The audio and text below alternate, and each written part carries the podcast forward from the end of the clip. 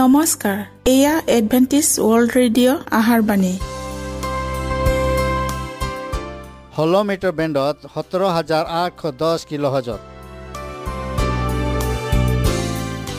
Adventist world radio যোগে অসমীয়া ভাষাত প্ৰচাৰিত আহাৰ বাণী প্ৰত্যেক বুধবাৰ আৰু দেওবাৰ সন্ধিয়া সাত বজাত আহাৰ বাণী শুনাৰ পিছত আপোনালোকৰ কিবা মন্তব্য আৰু প্ৰশ্ন থাকিলে আমালৈ এই ঠিকনাত লিখক। আমাৰ ঠিকনাটি হৈছে Adventist World Radio' Seven Day Adventist মণ্ডলী অসম শাখা লতাকাটা বশিষ্ট গুৱাহাটী সাত আঠ এক শূন্য দুই ন।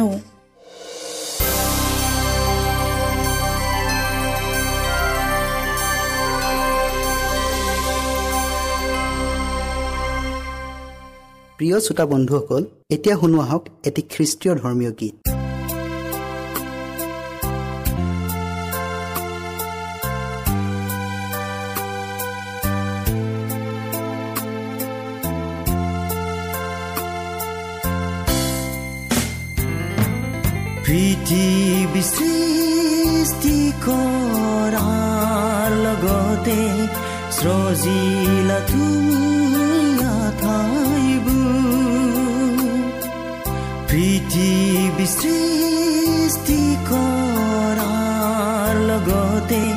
সৃজিলা তুমি আঠাইবোৰ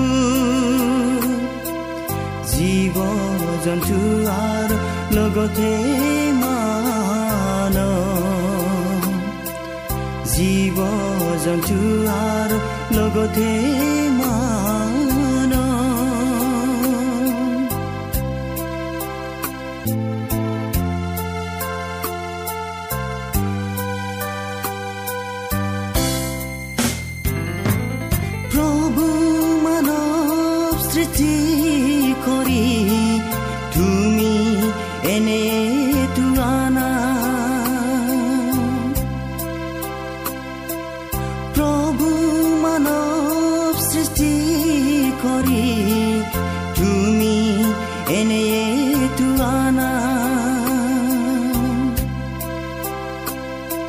দিশা কৰিব হাত ভৰি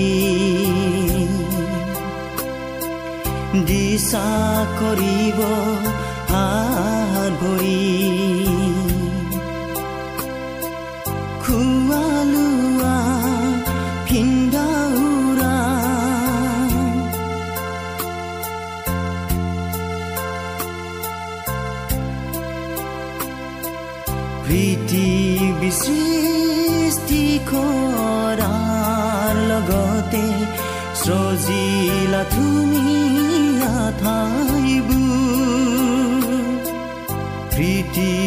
সৃষ্টি কৰাৰ লগতে সজিলা তুমি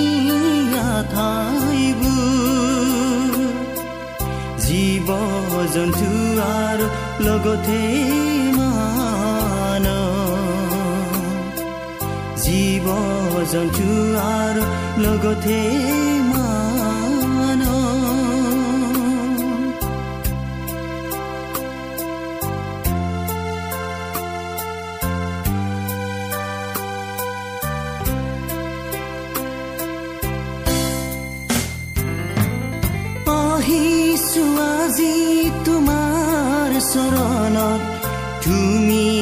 দিয়া সকলো ধনেৰে। আহিছো আজি তোমাৰ চৰণত তুমি দিয়া সকলো ধনেৰে।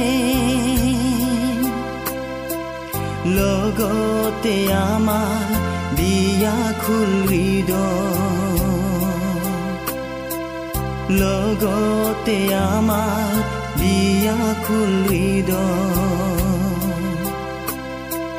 লোৱা তুমি আজি আমাৰ।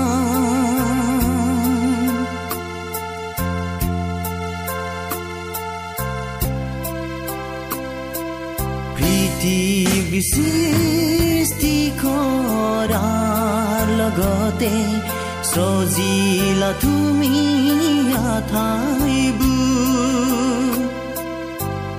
প্ৰীতি সৃষ্টি কৰাৰ লগতে সজিলা তুমি আঠাইবোৰ জীৱ জন্তু আৰু লগতে মান জীৱ জন্তু আৰু লগতে মান পৃথিৱী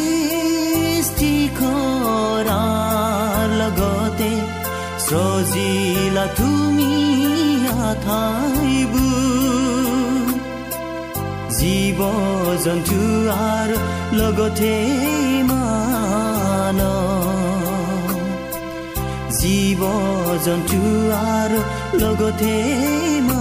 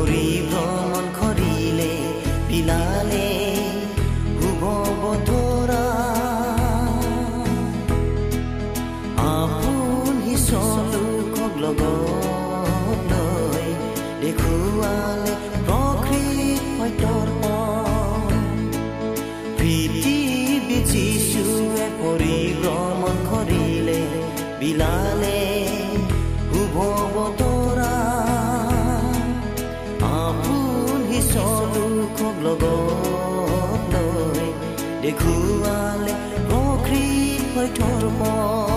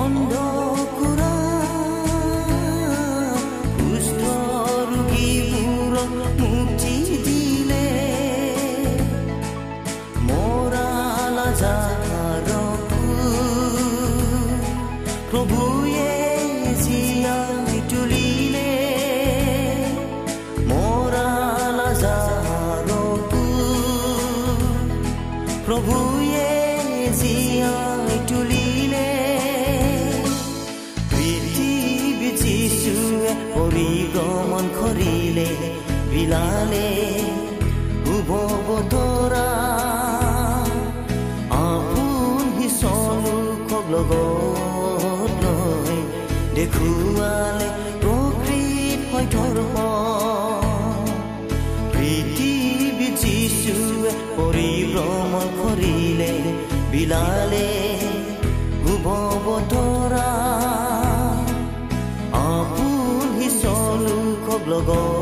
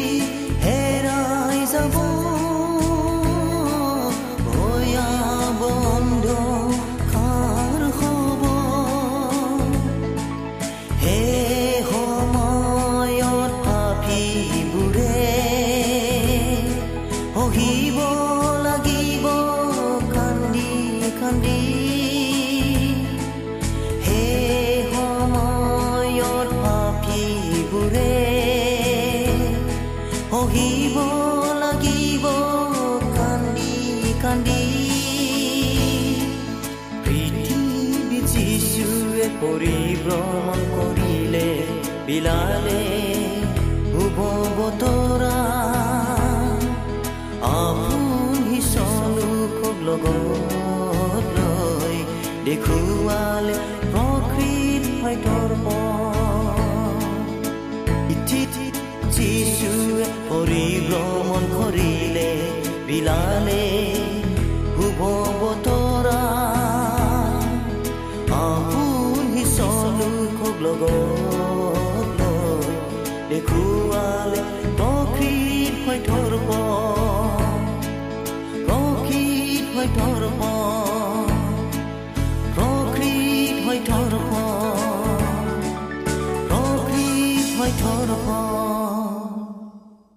প্ৰিয় শ্ৰোতা বন্ধুসকল আহক আমি খন্তেক সময় বাইবেল অধ্যয়ন কৰোঁ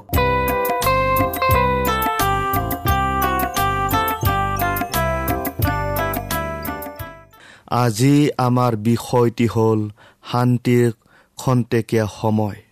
বাইবেল পদটি লোৱা হৈছে প্ৰথম টিচলনিকীয়া পাঁচ অধ্যায়ৰ তিনি পদ। যেতিয়া মানুহবিলাকে বুলিব শান্তি আৰু নিৰ্বিঘ্নতা তেতিয়া গৰ্ভৱতীৰ প্ৰসৱ বেদনাৰ নিচিনাকৈ তেওঁবিলাকৰ আকস্মিক বিনা উপস্থিত হ'ব। তাতে তেওঁবিলাকে কোনোমতে হাৰিব নোৱাৰিব। আমি প্ৰাৰ্থনা কৰি লওঁ হওক। সেই কৰোণাময় ঈশ্বৰ যে হোৱা ধন্যবাদ প্ৰভু তোমাৰ প্ৰেম আৰু আশীৰ্বাদৰ বাবে। তুমি যেনেকৈ আমাৰ লগত দিনে ৰাতিয়ে থাকিলে ঠিক তেনেদৰে এতিয়াৰ বিশেষ সময়তো তুমি আমাৰ লগত থাকা। প্ৰভু প্ৰত্যেক শ্ৰোতাৰ হৃদয়ত পবিত্ৰ আত্মাৰ যোগেদি স্পৰ্শ কৰি দিয়া। যীশুৰ নামত খুজিলোঁ আমে পৰিত্ৰাণৰ কাৰ্য যেতিয়া অন্ত পৰিব তেতিয়া পৃথিৱীত ক্লেশৰ আগমন ঘটিব।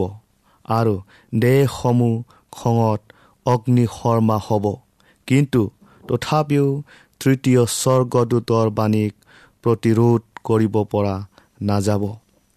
সেই সময়ত তৃতীয় স্বৰ্গদূতক বৰ মাতেৰে বাণী ঘোষণা কৰিবলৈ শক্তি যোগাবলৈ আৰু পৃথিৱীৰ ওপৰত পৰিবলগীয়া সাতটা অন্তিম উৎপাতৰ বাবে ধাৰ্মিকসকলক সাজু কৰাই থিয় হৈ থাকিব পৰাকৈ প্ৰস্তুত থাকিবলৈ প্ৰভুৰ পৰা শেহতীয়া বৰষুণ অৰ্থাৎ সঞ্জীৱনী শক্তি প্ৰদান কৰা হ'ব। পৃথিৱী নিবাসীসকল মহা বিবুদ্ধিত পৰিব। যুদ্ধ ৰক্তপাত দুখ কষ্ট অভাৱ অনাটন আকাল আৰু মহামাৰী আদিৰে দেহবোৰ আক্ৰান্ত হ'ব। এইবোৰে ঈশ্বৰৰ লোকসকলক যেতিয়া আগুৰি ল'ব তেওঁবিলাকে অক্ষতাৰে ইয়াৰ বিৰুদ্ধে যুঁজিব আৰু তেওঁবিলাকৰ সৰু সুৰা অসুবিধা কঠিনতাসমূহক এফলীয়াকৈ ৰাখিব। আত্মা কেন্দ্ৰিক স্বভাৱ তেওঁবিলাকৰ মাজত আৰু দেখা নাযাব। তাৰ পৰিৱৰ্তে গভীৰ নম্ৰতা তেওঁবিলাকৰ মাজত বিৰাজ কৰিব। দুখ কষ্ট জটিলতা আৰু বেদনা আদিয়ে ইয়াৰ নিজ ক্ষমতা ধৰি ৰাখিবলৈ চেষ্টা কৰে। কিন্তু অধৈৰ্য আৰু অবিবেচক মানুহ হৈ পৰে। বুদ্ধিদীপ্ত আৰু এওঁলোকে সুবিবেচনা আৰু জ্ঞানেৰে সৈতে কাম কৰে। পৃথিৱীৰ সৰ্বনাশৰ বাতৰিৰ বিষয়ে ইয়াক সতৰ্ক নকৰালৈকে স্বৰ্গদূতসকলে ইয়াৰ ওপৰত পৰিবলগীয়া সৰ্বনাশৰ চাৰি বায়ুক এতিয়া ধৰি ৰাখিছে। কিন্তু পৃথিৱীৰ ওপৰত সুৰ সুৰাই আহিবলৈ এক মহা ধুমুহা সাজু হৈ আছে।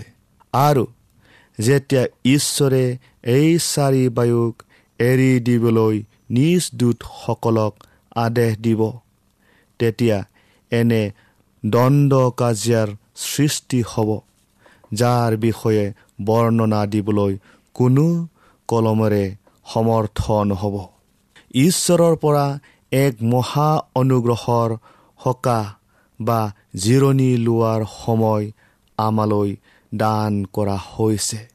স্বৰ্গৰ পৰা আমালৈ দান কৰা প্ৰতিটো শক্তিক প্ৰভুৱে সেই সৰ্বনাশৰ পথলৈ যাত্ৰা কৰা মানুহবিলাকৰ কাৰণে যি কাম কৰিবলৈ আমাক দায়িত্ব দিছে। সেই কামত প্ৰয়োগ কৰিব লাগিব। দ্বিতীয় পিতৰ তিনি অধ্যায়ৰ দহ পদটো আমি পঢ়োঁ হওক। মাছ ৰাতি চোৰ অহাৰ দৰে প্ৰভুৰ সেইদিন আহিব। সেইদিনা আকা মণ্ডলে হু হু শব্দ কৰি গুচি যাব। আৰু মূল বস্তুবোৰ দগ্ধ হৈ লয় প্ৰাপ্ত হ'ব। আৰু পৃথিৱী আৰু তাৰ সকলো বস্তু পূৰা যাব। যেতিয়া দাৰ্শনিকবিলাকৰ যুক্তিৰে ঈশ্বৰক সুদবিচাৰৰ শক্তি সুদবিচাৰৰ প্ৰতি ভয় কৰাৰ মানসিকতাক দূৰ কৰিব। যেতিয়া ধৰ্মীয় শিক্ষকসকলে শান্তি আৰু উন্নতিৰ পথলৈ অগ্ৰসৰ হ'বলৈ আহ্বান কৰিব। আৰু জগতৰ মানুহখিনিয়ে নিজৰ নিজৰ ব্যৱসায় আৰু সুখ আনন্দত হৈ থাকিব। গছ ৰোৱা আৰু ঘৰ বনোৱা কাৰ্যত ব্যস্ত থাকিব। উৎসৱ পালন আৰু বিয়া দিয়া আৰু বিয়া কৰা কাৰ্যত ব্যস্ত থাকিব। ঈশ্বৰৰ সতৰ্ক বাণীক আওকাণ কৰিব।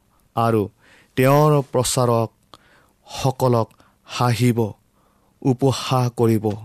তেতিয়া তেওঁবিলাকৰ ওপৰত আকস্মিক বিনা আহিব আৰু তেওঁবিলাকে কোনোমতে সাৰিব নোৱাৰিব। চুডুমৰ সেই বাসিন্দাসকলৰ দৰে তেওঁবিলাকেও উন্নতি আৰু শান্তিৰ সপোন ৰচিছিল। নিজ প্ৰাণ ৰক্ষা কৰা। এয়াই আছিল ঈশ্বৰৰ দূতৰ পৰা অহা সতৰ্কবাণী। কিন্তু ইয়াৰ পৰিৱৰ্তে আন এটা মাতহে তেওঁবিলাকে শুনিছিল। উত্তেজিত নহ'বা। বিপদৰ কোনো সংকেত নাই। ভয় নকৰিবা। শান্তিৰে থাকা। মানুহবোৰে আনন্দত কিৰিলি পৰিছিল। শান্তি আৰু নিৰ্বিঘ্নতা বুলি। যেতিয়া স্বৰ্গই পাপীসকলৰ ওপৰত অতি শীঘ্ৰে বিনাশ আহিব বুলি ঘোষণা কৰিছিল তেতিয়া তেওঁবিলাকে শান্তি আৰু নিৰ্বিঘ্নতাৰ বিষয়ে কথা পাতিছিল। এনেকি যি ৰাতি তেওঁবিলাকৰ ওপৰত আকস্মিক বিনাশ আহিছিল সেই ৰাতিও সেই নগৰখন আমোদ প্ৰমোদত মত্ত আছিল আৰু ঈশ্বৰৰ বাৰ্তাবাসকসকলক উপহাস কৰিবলৈ এৰা নাছিল আৰু ঈশ্বৰৰ সতৰ্কবাণীক কেৰেপ কৰা নাছিল। কিন্তু এই উপহাকাৰীসকল অগ্নিত ভস্ম হৈছিল। সেই নিশা দুষ্ট আৰু অধাৰ্মিকবিলাকৰ বাবে কৰোণাৰ দুৱাৰ সদাকালৰ নিমিত্তে বন্ধ হৈছিল। চুডুমৰ নিবাসীসকল সঁচাকৈয়ে অসাৱধানী লোক আছিল। প্ৰিয় শ্ৰোতা বন্ধুসকল ঈশ্বৰে সদায় বিদ্ৰুপ সহ্য কৰি নাথাকিব। তেওঁক সদায় ভৰিৰে গছকি অৱমাননা কৰিবলৈকো সুবিধা নিদিব।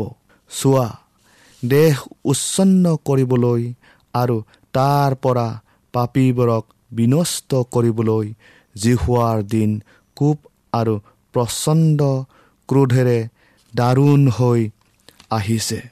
পৃথিৱীৰ বৃহৎ দলে ঈশ্বৰৰ কৰোণাক অগ্ৰাহ্য কৰিব আৰু আকস্মিক আৰু অপ্ৰতিৰোধ বিনাশ দেখি ভয়ত বিফল হ'ব। কিন্তু যিসকলে সেই সতৰ্কবাণীক মনোযোগ দিব তেওঁবিলাকে অতি ওখ ঠাইৰ গোপন ঠাইত বাস কৰিব পাব আৰু সৰ্বশক্তিবানগৰাকীজনাৰ ছত্ৰ ছায়াত থাকিবলৈ পাব। তেওঁৰ সত্যতাই তেওঁবিলাকৰ ঢাল আৰু ৰক্ষা কৱচ হ'ব। কৃষ্টই আপোনালোকক আশীৰ্বাদ কৰক।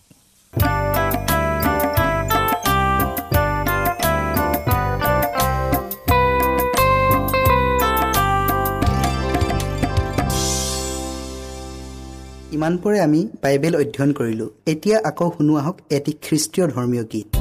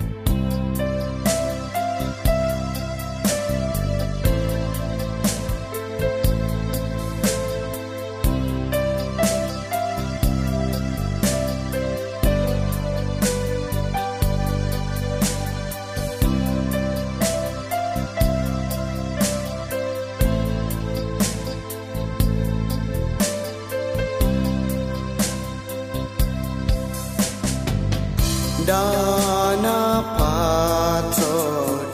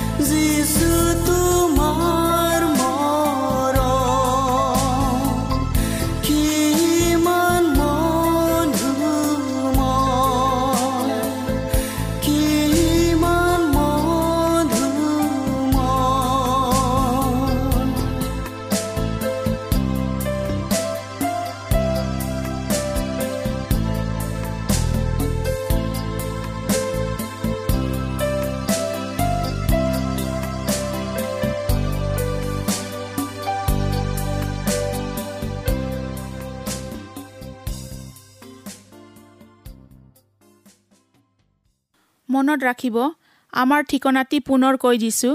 Adventist World Radio' Assam Region of Seven Day Adventist Voice of Hope Latakata Basistha Guwahati seven eight one zero' two nine প্ৰিয় শ্ৰোতা বন্ধুসকল এডভেণ্টিজ ৱৰ্ল্ড ৰেডিঅ' যোগে আহাৰবাণী প্ৰচাৰত আপোনালোকক পুনৰ লগ পোৱাৰ আহাৰে আজিলৈ সামৰিলোঁ।